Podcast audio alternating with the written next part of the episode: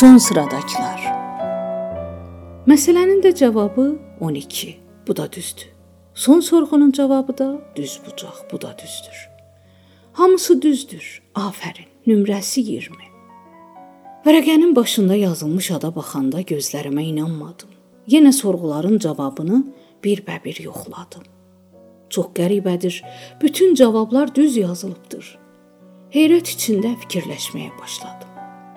Axı necə ola bilər? Hər bir imtahanda nömrəsi 10-dan az olan Bayram Dəşti birdən gəlib 20 alsın. Keçən cələsəni xatırladım. Gəci yerə qoyub kilası nəzərdən keçirəndə Bayramın mat-mat mənə baxdığını görüb yenə də dərsi başdan başlamışdım.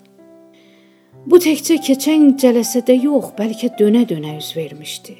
Şamımızı zəhər elədin deyə həyat yoldaşım deyinməyə başladı.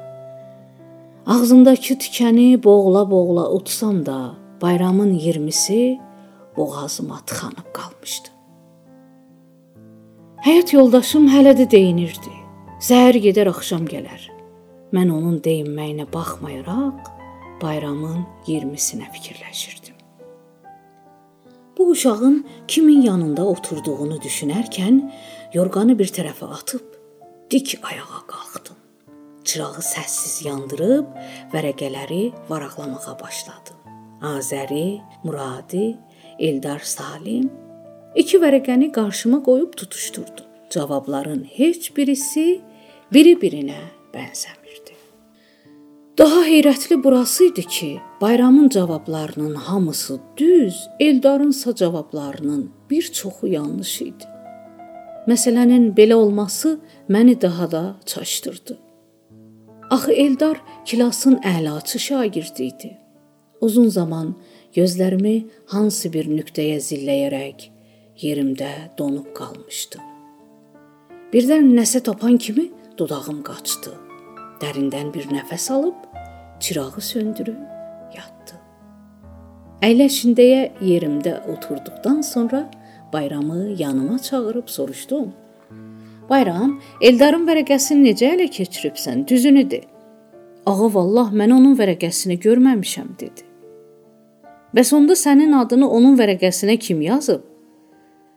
Bayram ağlaya-ağlaya, ağa vallah özü yazıb dedi.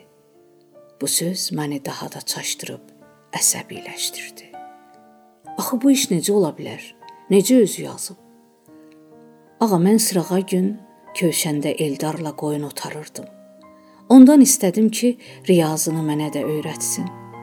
Dedim nömrəm az olanda atam mənə savaşır. Eldar hər nə çalışdı mən öyrənə bilmədim. Belə olanda o mənə dedi ki, sənin işin olmasın. İmtahan günü təkcə vərəqənin başında öz adının yerinə mənim adımı yaz. Mən də yazdım. Bu an son sıradakı uşaqlar birdən gülməyə başladılar. Kilası gözdən keçirərək gözüm Eldara sataşdı. O başını mizin üstünə qoyub için-için ağlayırdı.